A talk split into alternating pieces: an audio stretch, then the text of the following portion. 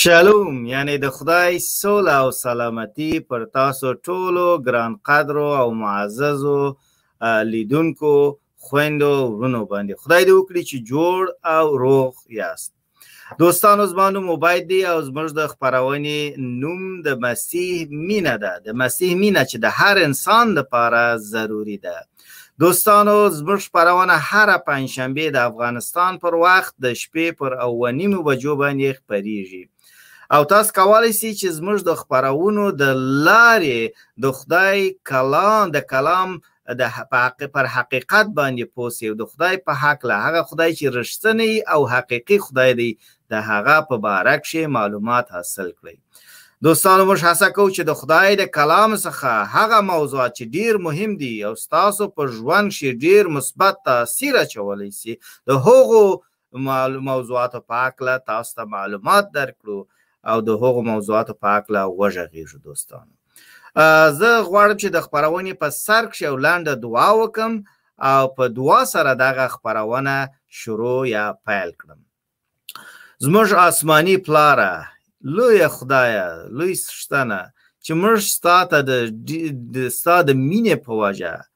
چې ته یې زموږ سره لرې او موږ یې ستا سره لرو د پلار په نامه بولو پر د پلار په نامه غږ کوو او تا موږ ته دا حق راکړی دی چې ټول انسانان وکولای سي پر تا باندې د آسماني پلار پر نامه غږ وکړي او تا خپل آسماني پلار وبولي خدای ستاسو خزه مننه کوم چې ته همیشه را سره همیشه مشته برکت راکوي خدای نن زه دعا کوم چې ته دغه خبرونه ته برکت ورکه خدای او دغه خبرونه خپل د جلال د پاره استفاده که خدای تر څو د هغه موضوع په اړه چې نن موږ غږیږو او هغه ستاسو کلام څخه ده د دغه موضوع په وسیله او په واسطه د انسانانو د هغو پښتنو یا هغو خویندو وړونو چې په پښتو ژبه باندې پوهیږي د هغوی زړونه ورلمسي او د هغوی خپل زړونه و تا ته در خلاص کړي او تا ته خپل په زړونو کښې ځای ورکړي تر څو ته د هغوی و زړونو ته خدای تغییر ورکړي، بدلون ورکړي او دوی وکولای شي چې تا وپېژني او پر تا باندې ایمان راوړي او ستا د خلاصون څخه برخمن شي، ستا د ابدي ژوندون څخه برخمن شي. ستا څخه ډیره مننه کوم خدای چې نن ته موږ ته تا موږ ته دا موقع راکړې ده چې دغه خپرونې د لارې ستا په هکله وغږیږو ستا په لویه نامه باندې چې ته زموږ مالک او ژغورونکی یې یشو مسیح آمین امین دوستانو دا د مسیح د مینې خبرونه ده او موږ هڅه کوو چې دغه خبرونه د لارې تاسو ته د حقیقي او رښتیني خدای په حق له معلومات درکړو دوستانو تاسو کولای شئ چې زموږ خبرونه د سټلایټ د لارې وګورئ دا هغه یوازنۍ خبرونه ده پښتو خبرونه ده وبخښئ چې د سټلایټ د لارې په افغانستان او نورو ګاونډي هیوادونو کښې خپریږي دا چې تاسو کولای شئ چې د انټرنیټ د لارې هم د مجازي میډیا د لارې او همداسې د انټرنیټ باکسونو او کیبلي چینلونو د لارې هم دغه خپرونه تاسو تعقیب کړئ او وګورئ که چیرې تاسو انټرنیټ ته لاسرسی لرئ نو تاسو کولی شئ چې زموږ اپ چې د ای بي ان ساټ په نامه دی دغه اپ تاسو ډاونلوډ کړئ او هلته بیا تاسو کولی شئ چې د ای بي ان افغاني چینل د لارې زموږ خپرونې په څلورویشت ساعته یعنې څلورویشت ساعته وګورئ نو دوستانو زموږ هاب زموږ ویب سایت مه هیروئ حتما یو وار زموږ ویب سایت چک کړئ هلته ډېر داسې ښکلي موضوعات سته چې تاسو کولی شئ د دغو ټولو برکتونو څخه ځانونه برخمن کړئ او برکت واخلئ امین دوستانو دوستانو دغه خپرونه کې زه غواړم چې د یو موضوع په حق لا وژغېږم او زموږ د خبرونې نوم دا دی چې یشو مسیح وایي چې زه حقیقي تاک یم زه حقیقي تاک یم یعنی د انګورو هغه ونه د انګورو تاک ولی ولی مسیح دلته وایي چې زه حقیقي تاک یم دا د تاک لفظ یا کلمه ولی استعمال کړی ده ولی د مسیح هدف د تاک څخه څه دی هغه څه هدف لري نو تاک چې شته وای تاک یو ونه ده چې هغه سانګې لري یا سانګې کوي او د تاک سانګې چې دي بیا هغه میوه نیسي هغه میوه نیسي دغه سانګې چې دی میوه نیسي نو تاک چې دی داسې یو ونه ده داسې یو درخته ده چې هغه میوه ورکوي او د تاک میوه چې شي د انګور دی د تاک میوه انګور دی نو مسی وای کچیرې کچیرې تاسو غواړئ چې د انګور څخه برخمن سئ د انګورو دغه حقیقي تاک زه یم او تاسو زما څانګې یاست څانګې موږ د دغه تاک د حقیقي تاک څانګې یو نو دغه میوه په څه معنا ده دغه میوه دغه انګور چې دی دا د چیش په معنا دی دا په دې معنا دی چې کچيري تاسو غواړي چې تاسو ژوند ښه او نیکی میوي وکي ښه او نیکی میوي چې هغه د خدای د د د پسند وړ وګرځيږي چې خدای هغه ومني چې هغه د خدای د رضا د وړ وي هغه مېوې چې د خدای و نوم ته جلال ورکړي یعنې ښه اعمال یعنې نیک اعمال او عملونه ستاسو په ژوند کښې چې تاسو وکولای شئ د خدای سره هم مینه وکړئ او د بشر سره هم مینه وکړئ چې تاسو وکولای شئ چې ښه کارونه ښه اعمال ترسره کړئ د خیر اعمال تر سره کړئ که چیرې تاسو غواړئ چې ستاسو ژوند داسې یو ژوند وي چې د خدای د منلو وړ وي داسې یو ژوند چې خدای د هغه څخه استفاده وکړي خپل نوم ته جلال ورکړي او د هغه په واسطه او بشر ته برکت ورکړي که چیرې تاسو غواړئ چې د دغو میوو څخه چې د خدای د خوا څخه دي هغه میوې چې د خدای د جلال وړ ګرځي یعنې ستاسو ښه اعمال ښه اخلاق، ښه کردار، ښې خبرې، ښه فکرونه، ښه ژوند، ښه روحاني ژوند دغه میوې وای که چیرې تاسو غواړئ چې د دغو میوو څخه برخمن شئ نو داسې میوې ورکړئ نو تاسو هغه څنګه یاست چې باید همیشه د تاک سره اوسئ د تاک سره وصل اوسئ او که چیرې وای تاسو غواړئ یعنی دغه څنګه غواړي چې د تاک څخه ځانونه جلا کی یعنی ځانونه خپل ارتباط ورسره پرې کړي او کله چې یو څانګه د تاک څخه د تاک د دغې ونې څخه پرې کېږي جلا کېږي هغه بیا وچېږي د هغه میوه هم وچېږي که میوه یې نه وي کړي نو میوه هم نه کوي بلګونه یې پاڼې یې چش کېږي وچېږي بیا هغه د د چشي وړ دی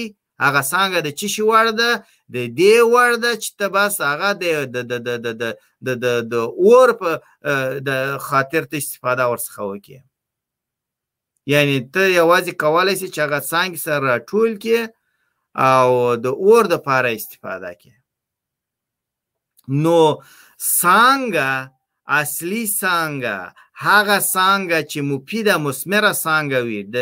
ګټې وړ سانګه هغه سانګه چې ګټه یو خلک ته ورسیږي هغه شنه سانګه تازه سانګه میوه لرونکې سانګه هغه هغه څنګه ده چې د تاک سره وصل وي د تاک د ونې سره وصل وي د تنې سره وصل وي ځکه چې دغه تنه او ریښې چې دي د امځکې څخه دغه معدني مواد اوبه او دغه شیان رانیسي او څانګو ته ور انتقالوي تر څو څانګې تازه اوسي تر څو څانګې شنه اوسي تر څو شنې څانګې اوسي تر څو څانګې میوه وکړي نو که چیرې په رښتیا سره وای تاسو غواړئ چې تازه او شنه او میوه لرونکی اوسئ نو تاسو باید چې د تاک د تنې سره وصل اوسئ دا د خدای کلام دی د مسیح هدف دا دی چې زه هغه حقیقي تاک یم چې تاسو یوازې زما په واسطه کله چې تاسو ما سره وصل یاست نښتي یاست هغه وخت دی چې تاسو خپل په ژوند کې نیک اعمال تر سره کولای شي هغه اعمال چې د خدای د منلو وړ دي هغه اعمال چې خدای ستاسو څخه غواړي هغه اعمال چې د خدای د جلال باعث وړ ګرځي نو خدای داسې یو ښه خبره خپل په کلام کې کړې ده راځي چې د خدای د کلام څخه وایي چې مسیح په د خدای د کلام په کومه برخه کې دا خبره کړې ده آیا د حقیقت لري که نه لري که چیرې موږ د خدای کلام خلاص کو نو د خدای په کلام کې دوې برخې شته یو زوړ تړون دی او یو نوی تړون دی او د نوي تړون په برخه کې هلته یو کتاب دی د یوهانا په نامه یادیږي نو د یوهانا کتاب پنځلسم باب داسې فرمایي د یوهانا کتاب پنځلسم باب زه د اول آیت څخه تاسو ته وایم دوستانو ښه غوږ ورته ونیسئ دا د خدای کلام دی یعنی د خدای ویناوې دي د خدای خبرې دي چې زه تاسو ته وایم دلته لیکل سوي دي خدای خپل د انبیاو او رسولانو په واسطه دغه خبرې کړې دي او دغه خبرې بیا د خدای په کلام کې لیکل سوي دي او نن یې زه تاسو ته وایم خو دغه د خدای د کلام دغه برخه چې نن یې زه تاسو ته وایم دا د خدای هغه مخامخې خبرې دي چې موږ ته خپل په کلام کې تر سره کړي دي او نن یې زه تاسو ته وایم نو دا د خدای ویناوې دي ښه غوږ ورته ونیسئ چې خدای څه درته وایي دلته د خدای کلام وایي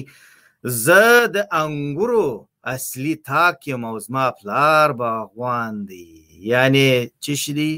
زما پلار باغوان دی زما هره څانګه چې میوه نه نیسي هغه پرې کوي هواره څانګه چې میوه نیسي هغه اصلاح کوي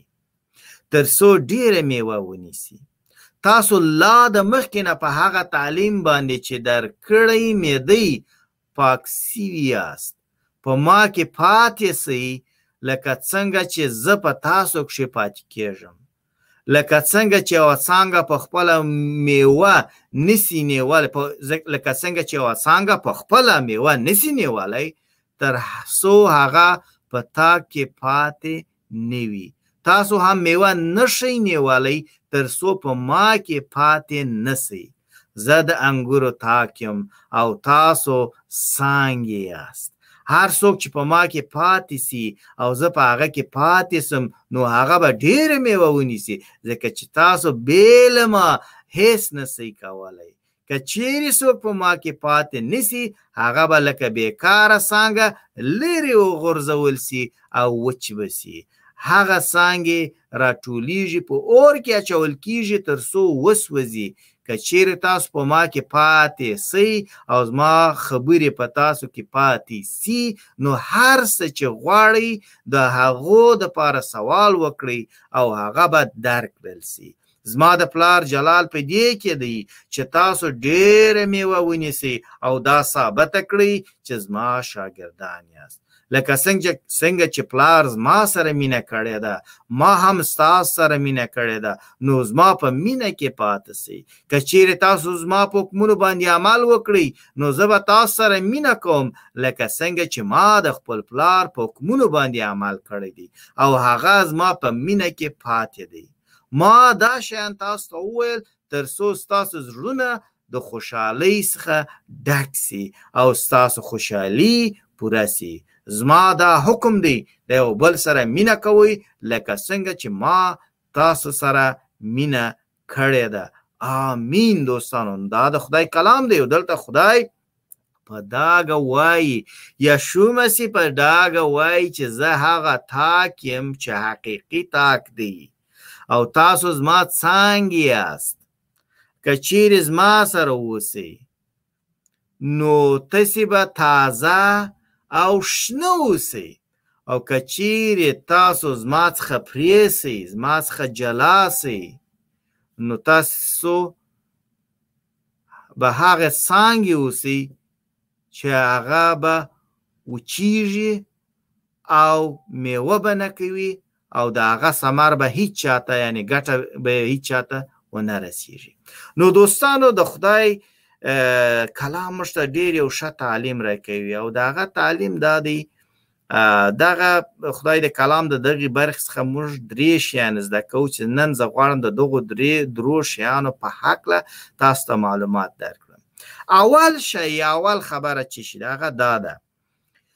مسیح هغه حقیقي تاک دی مسیح د ایمان د حقیقي ایمان باور او عقیده تاک دی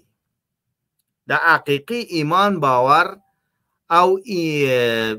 تاک دی یعنی د ایمان بنسټ مسیح دی د باور او عقیده هغه عقیده او باور چې پر خدای باندې وي د هغه بنسټ څوک دی مسیح دی نو مسی وای کچیرې تاسو خپل دغه ایمان زما پر ست باندې ولاړ کی ودروي نو ستاسو ایمان به حقیقی ایمان وي ځکه چې ستاسو د ایمان تحداد تحداب به زه اوسم ځکه چې هغه حقیقی ایمان حقیقی خدای زه یم څوک چې پر ما باندې ایمان ونه لري نو د هغه ایمان به بیکاره ایمان وي حقیقي او رښتنی ایمان به نه وي هغه به د درواغو ایمان وي نو مسیح وایي چې زه حقیقي تاکیم یعنی زه د ایمان زه د ایمان بنسټ یم او که چیرې تاسو په رښتیا سره غواړئ چې حقیقي خدای وپیژنئ او پر هغه باندې ایمان راوړئ نو تاسو باید تاسو باید چې پر ما باندې ایمان ولرئ یوازې هغه څانګې هغه څانګې چې د دغې ونې څخه دغه تاک څخه راوځي هغه په دغه تاک پورې ارتباط لري او د دغه حقیقي او اصلي تاک حقیقي او اصلي څانګې دي مسیح دا خبره کوي یعنی یوازې هغه خلک چې پر ما باندې ایمان ولري پر حقیقي خدای باندې ایمان ولري چې بنسټ یې زایم د هغه ایمان بنسټ زایم هغوی حقیقي ایمانداران دي نه نور خلک اوس په دنیا کې هر یو وای چې زه ایماندار یم یو سړی پر غوا باندې هم ایمان لري وای غوا زما خدای دی یا خدای نو هغه ځان ایماندار بولي بل سړی پر بیزو باندې ایمان لري وای دا بیزو چې دی زما خدای دی هغه هم ځا خپل ځان ایماندار بولي دا بل سړی پر پیل باندې ایمان لري وای چې دا پیل چې دی زما خدای دی هغه هم خپل ځان ایماندار بولي بل سړی پر یو انسان باندې د خدای په صفت ایمان لري وای چې زام ایماندار یم او داسې خلک سته چې پر لمر پر ستورو پر پر پر پر نور شیانو باندې ایمان لري پر ډبرو باندې پر خټو باندې ایمان لري او وای چې زموږ څه شي یو یعنی منظور مې دا بوتان دي او وای چې موږ هم ایمانداران یو داس خلک په دنیا کې ستو غوي پر مارانو باندې ایمان لري وای چې موږ هم ایمانداران یو او خپل ځانونه حقيقي ایمانداران بولي او هغه شان چې دوی ایمان و چې دوی ایمان ور باندې لري هغه شان دوی اصلي او حقيقي خدایان بولي نو موږ د غوي سره موافق یو یا داسې خلک ستا چې وایي دغه خدای چې دغه نه لري فزیکی وجود نه لري وای وای دا غز ما خدای دی او زه پر هغه باندې باور لرم بس پر یو شی باندې باور لري وای وای فزیکی وجود نه لري نو موږ د دوی خبره ومنو نه موږ باید چې یوازې وی یوازې د پر د خدای خبره ومنو خدای وای چې زه یکی او یوازنی خدای یم زه واحد خدای یم فزیکی وجود نلرم خو زه د دې لپاره چې تاسو ته خلاصون درکړم او دې دنیا ته رالم ما روح چې دی بدن واخیستی جسم یې واخیستی او دې دنیا ته رالی چې ترسو ما او تاسو ته در وپیژني او ستاسو لپاره د خلاصون لاره خلاصه کړي نو موږ پر هغه حقیقي خدای باندې باور لرو پر هغه رښتینی خدای باندې باور لرو او رښتینی ایمانداران څوک دي هغه خلک دي رښتینی ایمانداران هغه خلک دي چې دوی پر رښتینی خدای باندې باور ولري نه پر تخیلی او خیالي خدایانو باندې نه پر ژوو باندې نه پر پیلانو مارانو بیزوګانو او انسانانو نورو شیانو باندې چې دوی هغوی خپل خدایان بولي نه حقیقي ایماندار حقیقي مؤمن رښتنی مؤمن هغه انسان دی چې پر حقیقي او رښتنی خدای باندې باور ولري او مسیح درته وایي چې هغه حقیقي تاک زیم د حقیقي ایمان بنسټ زیم نو تاسو پر ما باندې ایمان ولرئ کله چې تاسو ما وپېژنئ نو تاسو خدای پېژنئ کله چې تاسو پر ما باندې ایمان راوړئ نو تاسو د اصلي او حقیقي ایمان څخه برخمن کېږئ ځکه چې زه خدای یم ځکه چې زه خدای یم یشو مسیح وایي زه خدای یم نو دلته مسیح وایي که چیرې یو انسان چې خپل ځان ایماندار ځان بولي ځان ته ایماندار وایي هغه پر ما باندې باور ولري چې زه حقیقي او رښتینی خدای دی خدایم هغه رښتنی مؤمن دی که هغه پر نور شیانو باندې ایمان ولري نو هغه بیا رښتنی مؤمن نه دی ځکه چې پر حقیقي باندې حقیقي خدای باندې ایمان نه دی راوړی نو لنډه دا دوستانو که چیرې یو انسان پر حقیقي او رښتنی خدای باندې چې نوم یې یشو مسیح دی هغه هغه واحد خدای دی د ټولو کائناتو خالق دی پر هغه باندې ایمان ولري او په عین حال کې هغه زموږ ژغورونکی هم دی که چیرې او انسان پر دغه اصلي او حقیقي خدای باندې چې دغه څخه بل او غیر بل بل بل بل خدای نسته په دنیا کې ایمان ولري هغه اصلي مؤمن دی او که چیرې ته ولاړ پر دغه او هغه شیان او کسانو باندې ایمان ولري بیا ته خپل ځان خطا باسې خپل ځان غولوې نو دوستانو ښه خبره دا ده چې موږ دغه حقیقي خدای وپیژنو دغه حقیقي تاک وپیژنو موږ د دغه دغه حقیقي تاک څنګه اوسو څنګه په دې معنی چې هغه کچيرې په رښتیا سره ته پر حقیقي خدای باندې باور لرې هغه حقیقي خدای دلته خپل ځان د یو تاک په صفت تاسو ته معرفي کوي چې زه هغه اصلي تاک یم او تاسو ما څنګه یعنی یاست یعنی تاسو زما مؤمنین یاست تاسو زما مؤمنان یاست تاسو پر ما باندې باور لرئ زه تاسو ایمانداران بولم نو خبره دا ده ورور وړونو او خویندو چې خدای دلته خپل ځان حقیقي تاک معرفي کوي او پرته له دې بغیر له دې چې ته پر دغه حقیقي ورښتنې خدای باندې ایمان راوي هیڅ امکان یې نسته دا خبره ګر سره امکان نه لري چې ته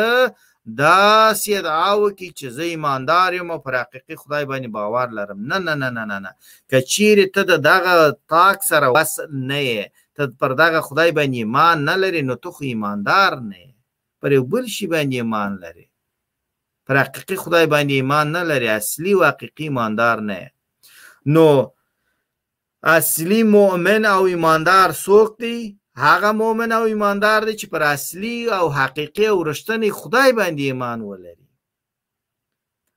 هغه شنې او او او زرغونې او او او او, او تازه سانګي کومې څانګې دي هغه میوه لرونکې څانګې کومې څانګې دي چې هغه د تاک سره وصل وي چې د تاک سره وصل وي مشتي وي د تاک یو برخه وي د تاک څخه راوتلي وي هغه څانګې اصلي څانګې دي ا نورې څانګې چې پر مځکې باندې پرتې دي که څه هم شنه ښکاري خو د یو څو مودې لپاره به شنه وي او د یو سات په محل کې به د دوی بلګونه او او پانی سره وژړیږي او وچی بسی او میوه به له منځه ولاړه سي او هغه څنګه په په لښته باندې بدله سي وچه لښته باندې چې اواز به یوازې به خلک د اور د پاره استفاده وکړي او کچيري او څنګه دا قسط تاک سره مشتي وي د تاک او برخه وي نو دا به همیشه تازه وي شنه وي او میوه به ورکي انګور به ورکي تاک به د دې خیال وساتي تاک به ودې ته وبه ور ورسوي نور معدني مواد چې ضروري دي به ور ورسوي انرژي به ور ورسوي شنه به وساتي تازه به وساتي او د مرستې و د میوې ورکولو په حصه کې به هم مرسته ور سره وکړي دا د اصلي او حقیقي تاک کار دی نو کله چې مسیح وایي زه حقیقي تاک یم دلته د مسیح هدف څه دی چې زه حقیقي خدای یم که چیرې تاسو پر ما باندې ایمان ولرئ ما خپل د سشتن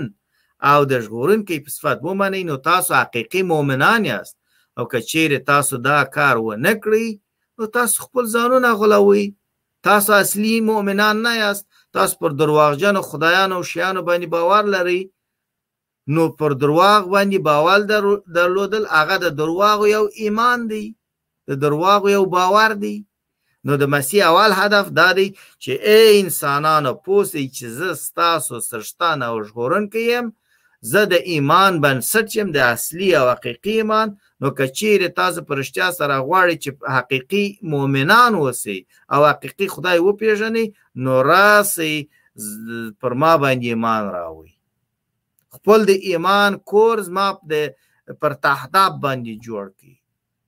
پرېږدي چې زه ستاسو د ایمان د کور بنسټ اوسم دا د مسیح خبره ده اوله خبره ده خو دلته موږ دوه نور شیان هم د مسیح د دغه نقل قول د دغه خبرې څخه د خبر څخه زده کوو چې مسیح وایي زه حقیقي تاکیم دوه نور شیان اول خو د ایمان خبره وه او دویمه او دریمه بیا هغه د ایماندارانو په حق لده هغه خلک چې پر مسیح باندې خپل د سشتان او ژغورونکي په صفت ایمان لري مسیح د هغوی دپاره هم د دغې یوې جملې په واسطه چې زه حقیقي تاک یم او تاسو زما څانګې یاست یو پیغام لري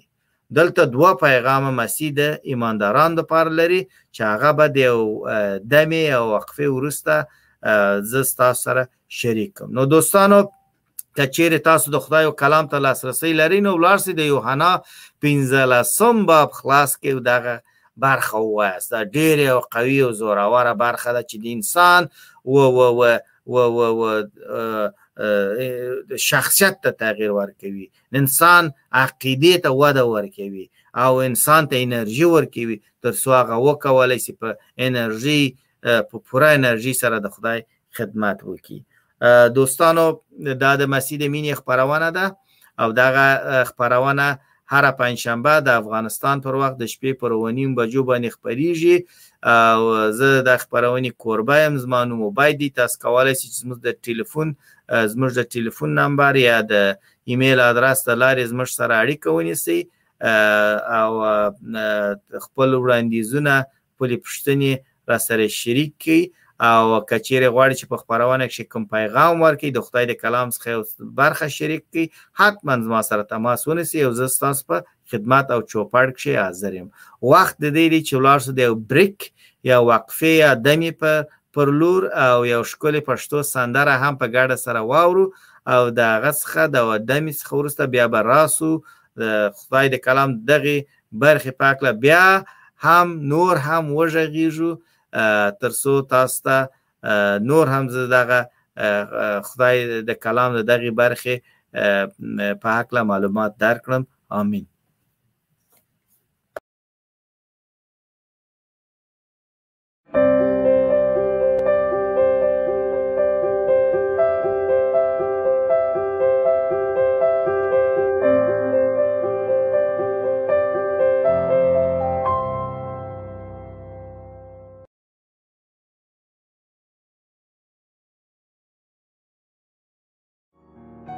Jesus said, And this gospel of the kingdom shall be preached in all the world for a witness unto nations, and then shall the end come. God is opening new doors for ABN to evangelize and reach out to the Far East with many weekly live shows and discipleship programs. With 15 different languages, with more than 8 marathons for the year 2021 to the Middle East, North Africa, and Europe. Dear viewers, you are His hand extended to many hungry and thirsty souls around the world. Your words are heavenly to bless your home, your work, when you support this great commission by your prayer as well as financially. God bless you.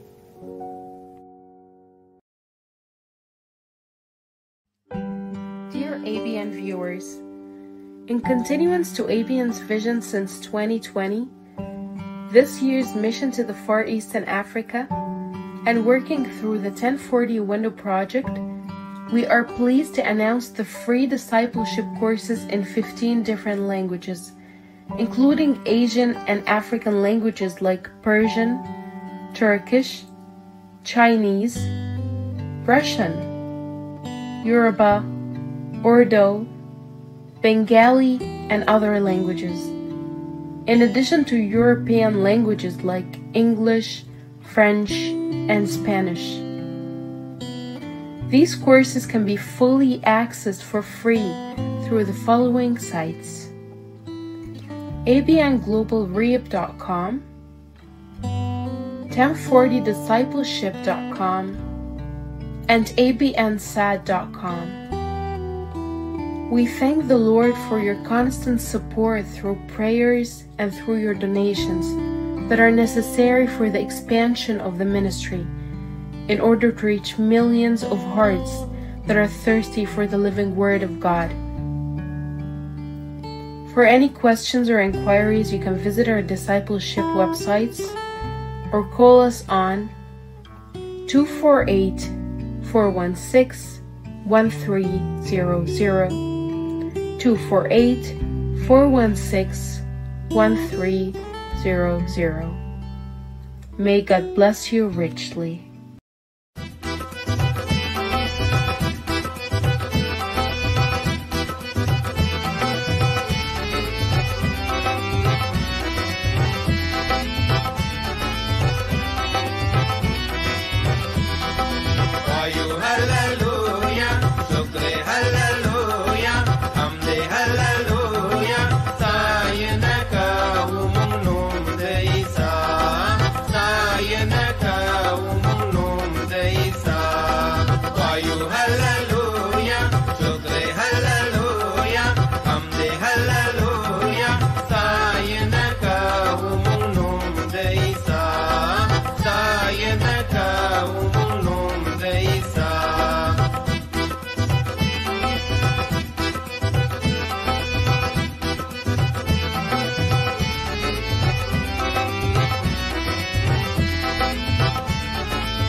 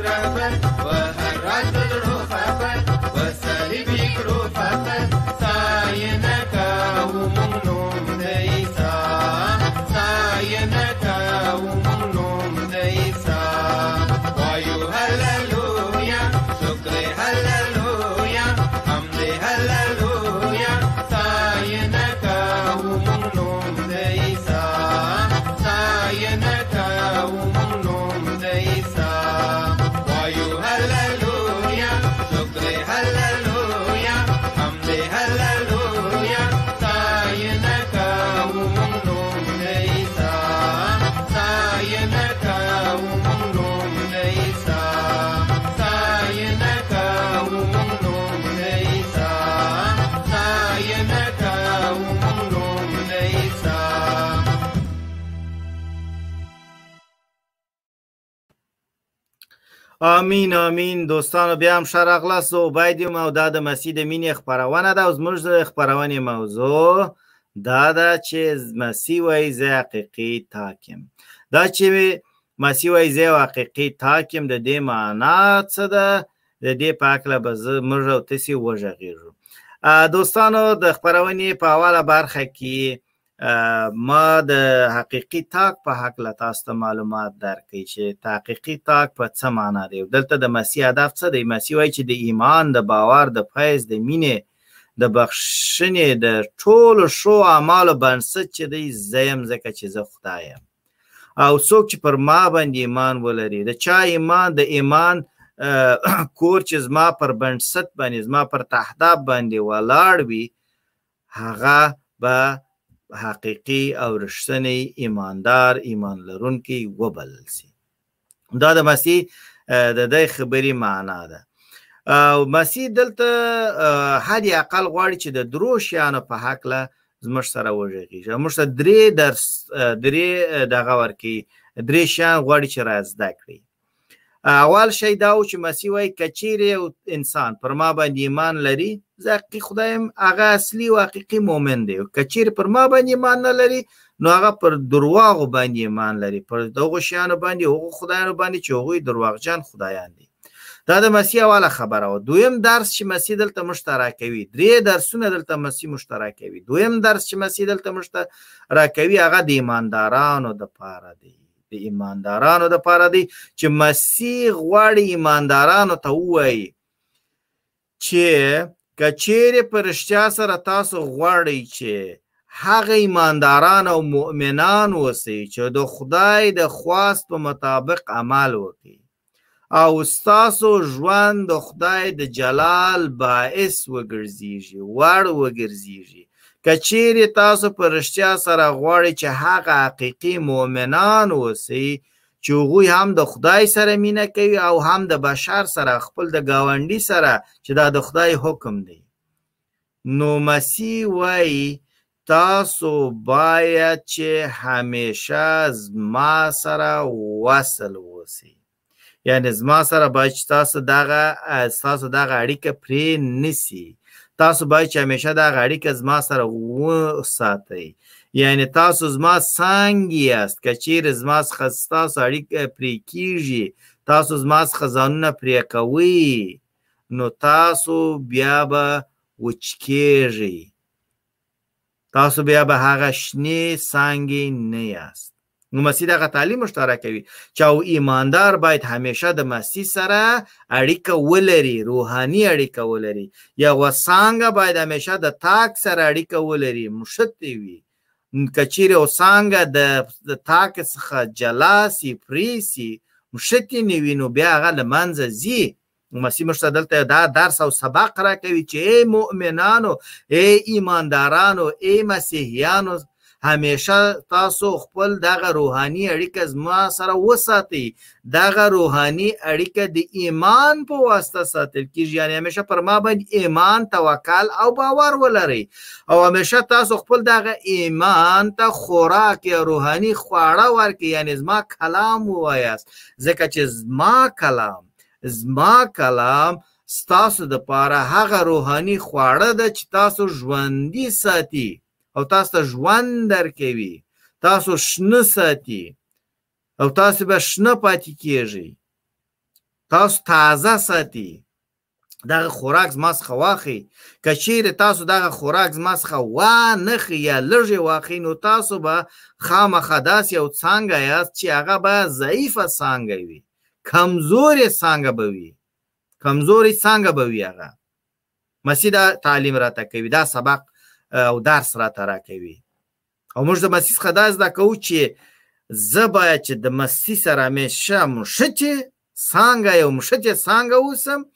چې هغه همیشه او همیشه دغه اصلي تاک څخه دغه منرالونه یعنی معدني مواد او اوبه او ټول هغه شیان انرژي چې زه ضرورت ورته لرم د دغه تاک تاک څخه واخی زه غواړم چې هغه یو څنګه اوسم یعنی زه غواړم چې د خدای کلام ووایم د خدای عبادت وکم د مسیحانو سره مشارکت ولرم یعنی مسیحان سره یو ځای د خدای عبادت وکم مسیح کلام کلام ته چې کله غوږ نیسم هغه پر هغه باندې ځان پوه کم پر هغه باندې عمل وکم د خدای خواست خپل پر ژوند کښې وغواړم د خدای روح ته خپل پر ژوند کښې اجازه ورکړم چې هغه دې زما پر ژوند کښې کار وکړي ما ته تعلیم راکړي د هغه غږ ته باید چې غوږ ونیسم د هغه د غږ په مطابق د هدایت او لارښوونې په مطابق باید خپل ژوند پر مخ بوزم نو هغه وخت به زه همیشه په خدای کښې شنه اوسم په خدای کښې به زه تازه اوسم او د خدای د قدرت په واسطه د هغه د ځواک په واسطه به زه میوې ورکم زه به انګور ورکم نو مسیح دغه تعلیم مشترک کوي نو دویمه خبره دا ده چې مسیح وایي ای مؤمنانو پام کوئ چې زما څخه پرې نه سئ جلا نه سئ ځانونه زما څخه جلا ونه کړئ ځکه چې ستاسو ایمان پر ما باندې دی ستاسو ځواک او قدرت او انرژي او خواړه او اوبه زما څخه درځي که چیرې زما څخه جلا سئ نو دغه شان در باندې چش کیږي پرې کیږي تاسو دغه شان پر ځان باندې پرې کوئ نو مسیح سره ته وای کچېری تاسو غواړئ چې پرشتیا سره پرشتیا سره هغه ایمانداران اوسي هغه مؤمنان اوسي چې د هغوی ژوند ښې میوې کوي د هغوی ژوند د خدای ونوم ته جلال ورکوي نو تاسو باید چې همیشه خپل دغه روحاني اړیکه زما سره وساتي اوس ګوري او تاک ډېرې څانګې لري خو هره څانګه مستقیمه او سیده او مستقله خپلواکه چې شي لري ارتب... خپلواک ارتباط لري د تاک سره اوس هر څنګه هر څنګه چې تاسو کله چې موږ یو تاک وسیړو نو هغه ډېری څنګه لري او هر څنګه مستقیم ارتباط لري د چیش سره د تاک سره مستقیمه اړیکه لري سیده اړیکه لري د تاک سره د هرې څانګې ارتباط هغه ځای چې د تاک سره مښتې ده هغه ځای جلا وي یعنی هره څانګه په جلا توګه د تاک څخه راووځي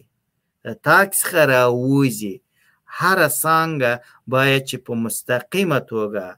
په په په په سیده توګه خپل دغه روحاني اړیکه د تاک سره وساتي زما هدف څه دی چې دغه څنګه ده د تاک د ونې څخه دغه تنې څخه خپل هغه شیان چې ضرورت ورته لري هغه ورڅخه اخلي نو دلته هم یو ایماندار او مؤمن باید چې په انفرادي توګه په شخصي توګه هر انسان هر مؤمن باید چې د خدای سره خپل هغه شخصي روحاني اړیکه ولري انسان د پاره ډیر ضروري چې زما ایمان پر خدای باندې دی دا زما یو شخصي اړیکه ده زه چې دعا کوم د خدای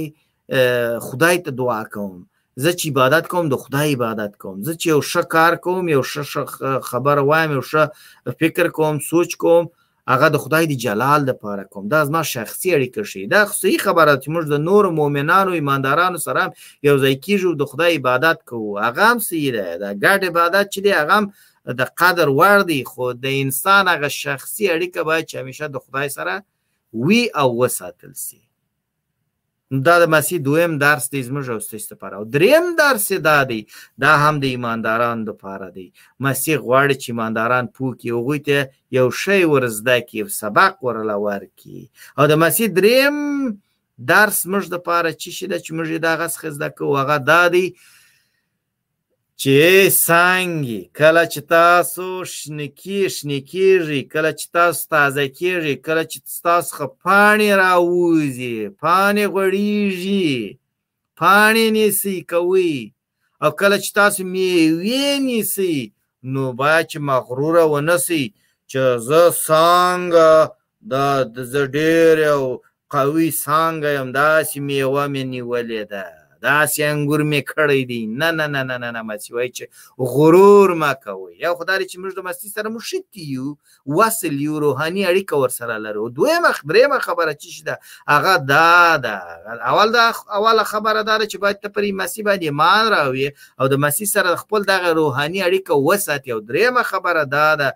چې ته نه باید غرور وکې کبر غرور او تکبر چې دی مسیح موږ ته وایي ته ته باید و دا ونه وای چې دا انګور زما دی نه دا انګور د تاک دی ته یوازې یو وسیله یې چې ستا څخه استفاده کړې ده تاک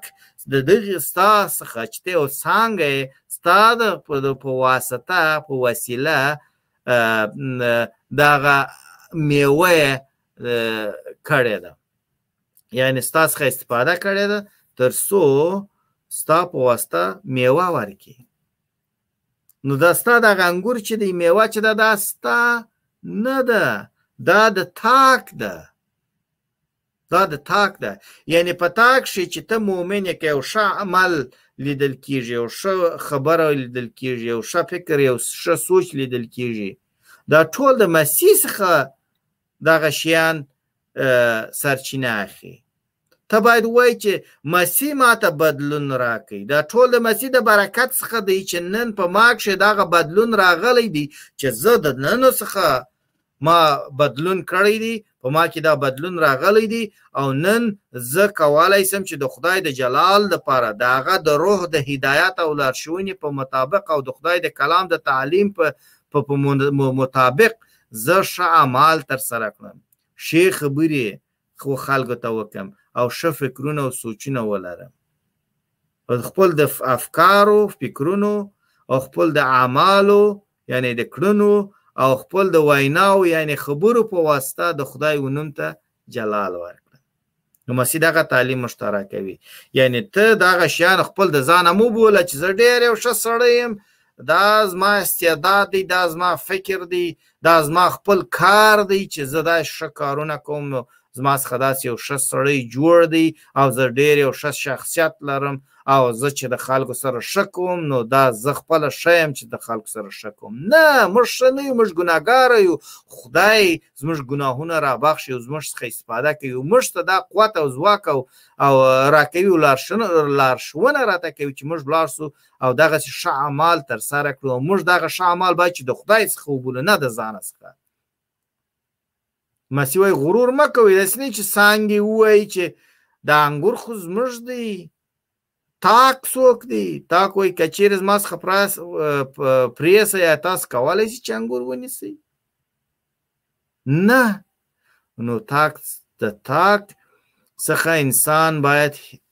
یعنی هغه جلال چې باید خدای ته ولاړ شي هغه جلال د ځانو د پاره مساتي موږ باید چې غرور ونه کو دا د خدای د کلام تعلیم دی دلته مسی دا خبر موږ ته راشي ا او به دې د خدای کلام خلکو ته ورسوي او به دې تل کلیسا پیل کوي او به دې دغه خدمت کوي او هغه خدمت کوي د خدای خدمت کوي خلکو ته د خدای کلام ورسوي دا او هغه ډیر کسان د عبید په واسطه پر خدای باندې ایمان راوړي او به ډیر کسانو ته د تعمید غسل ورکوي داسې نور شیان ډیر ښه تعلیم ورکوي ډیر ښه موعظه کوي او داسې نور شیان عبید څوک دی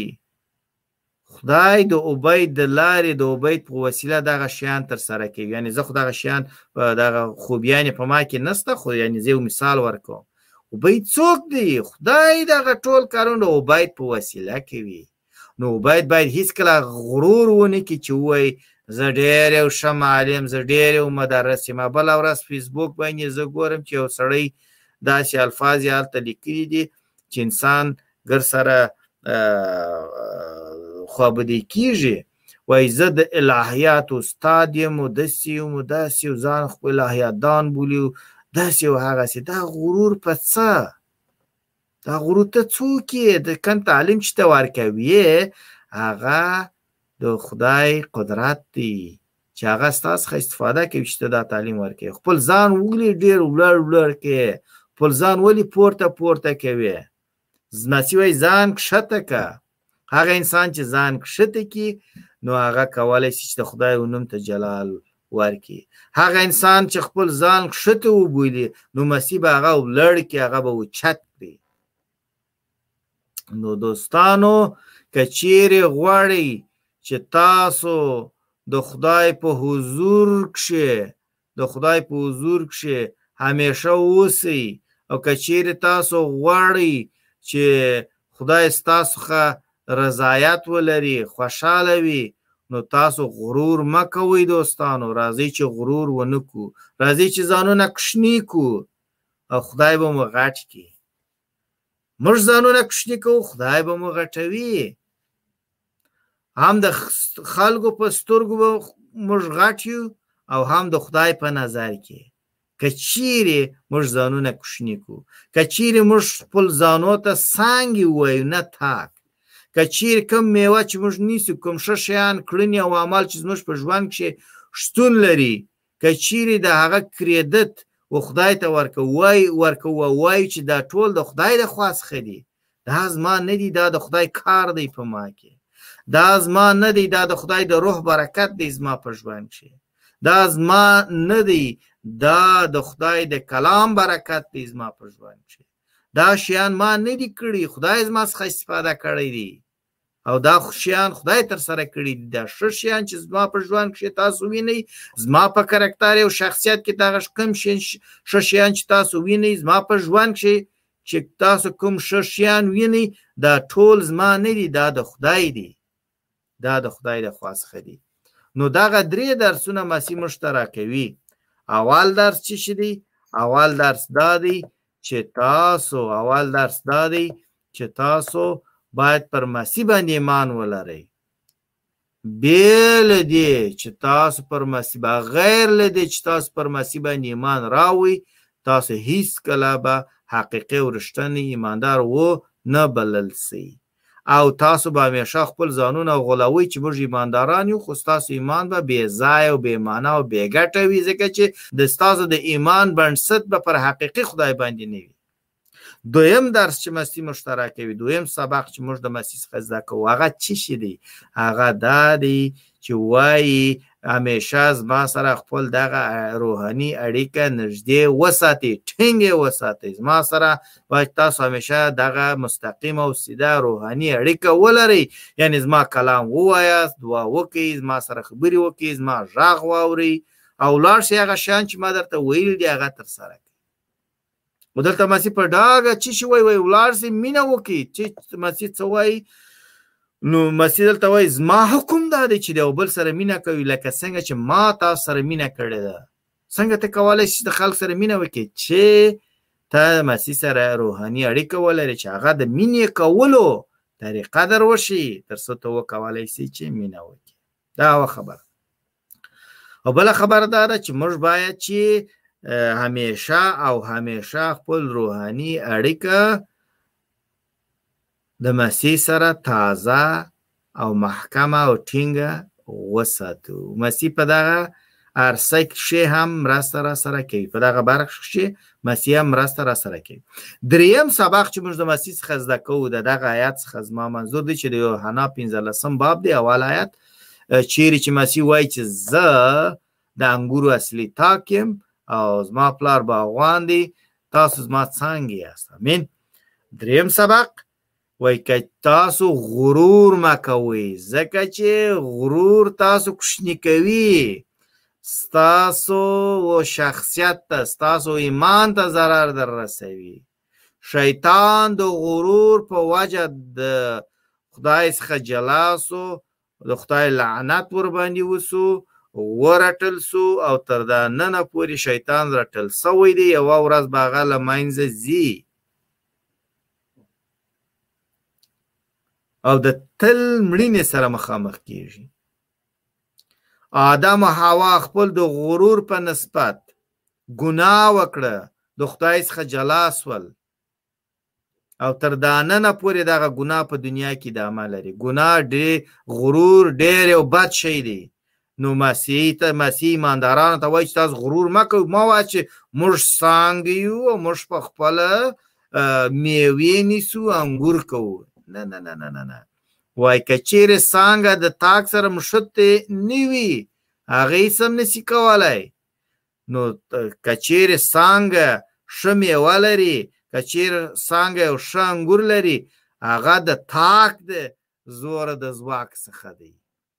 چې دغه ټول شیان اوبه او دا ټول شیان چې ته ضرورت لرې دې دپاره چې ته تازه اوسې قوي اوسې ځواکمن اوسې تر څو ښه میوه ورکړې دا خو ته د تاک څخه اخلې نو غرور په څه موږ باید همیشه ووایو چې که هر کوم هغه ښه عمل په موږ کې لیدل کیږي که چیرې تاسو یو ښه په موږ کښې وینئ هغه د خدای د خوا څخه دی نو دوستانو باید چې دغه شیان ته ډیر زموږ او ستاسو پام وي نو دوستان هغه دوستان چې مسیحیان نه دي که چیرې په رښتیا سره غواړي چې پر خدای باندې ایمان ولري نو راسي دغه حقیقي خدای وپېژني چې دغه نوم مسیح دی اوله خبره مسیحیان که چیرې غواړي چې په رښتیا سره خپل په ایمان کښې وده وکړي نو د مسیح سره خپل دغه روحاني اړیکه ګرمه ټینګه تازه او ښه نږدې وساتئ مسیحیانو که چیرې غواړئ چې تاسو غټ سئ خدای تاسو غټ وبولي خدای تاسو ته یو ښه لوړ مقام ورکړي موږ په مقام پسې هم نه ګرځو یعنې خدای د خدای په حضور کې او د خلکو په حضور کې موږ عزت ولرو که چیرې هم دا زموږ هدف نه دی زموږ هدف د خدای جلال دی نو وایي خپل ځانونه کوچنی کې کوشنی کی خپل ځانونه کوشنی کی او د غرور څخه لاس واخی دا د مسیح تعلیم دی د یوحنا په 15 باب کې چې مسیح وایي زه حقیقي تاک یا د انګورو تاک یم امین دوستانو دلته عزیز ورورم را سره دی کمنټ یې کړی دی چې امین یې درته ویلی دی او نور وړونه هم را سره دی بنیامین ورور را سره دی خدای دې دوی ته برکت ورکړي تاسو غفور مسیح ورور هم را سره دی او خبرونه لایک کړی دی او د نور نور دوستان هم را سره دي هغه دوستان چې دغه خبرونه اوس په ژوندۍ بنه ګوري ټول ته زه د مسیح شراغلاست وایم د مسیح د خوا څخه شراغلاست وایم او د مسیح برکت د ټولو لپاره غواړم او هغه خويندې وړونه چې دغه خبرونه ورسته په افلاین بنه ګوري هغه ته هم زه ښه راغلاست وایم او د خدای له خوا څخه د هغوی لپاره برکت غواړم دوستانو راځئ چې همدا نن تصمیم او پریکړه ونیسو چې پر مسیح باندې ایمان راوړو او خپل ایمان په ایمان باندې ټینګ ودرېږو د مسیح سره خپل اړیکه وساتو او د غرور څخه لاس واخو دا د نن د خپرونې چې شو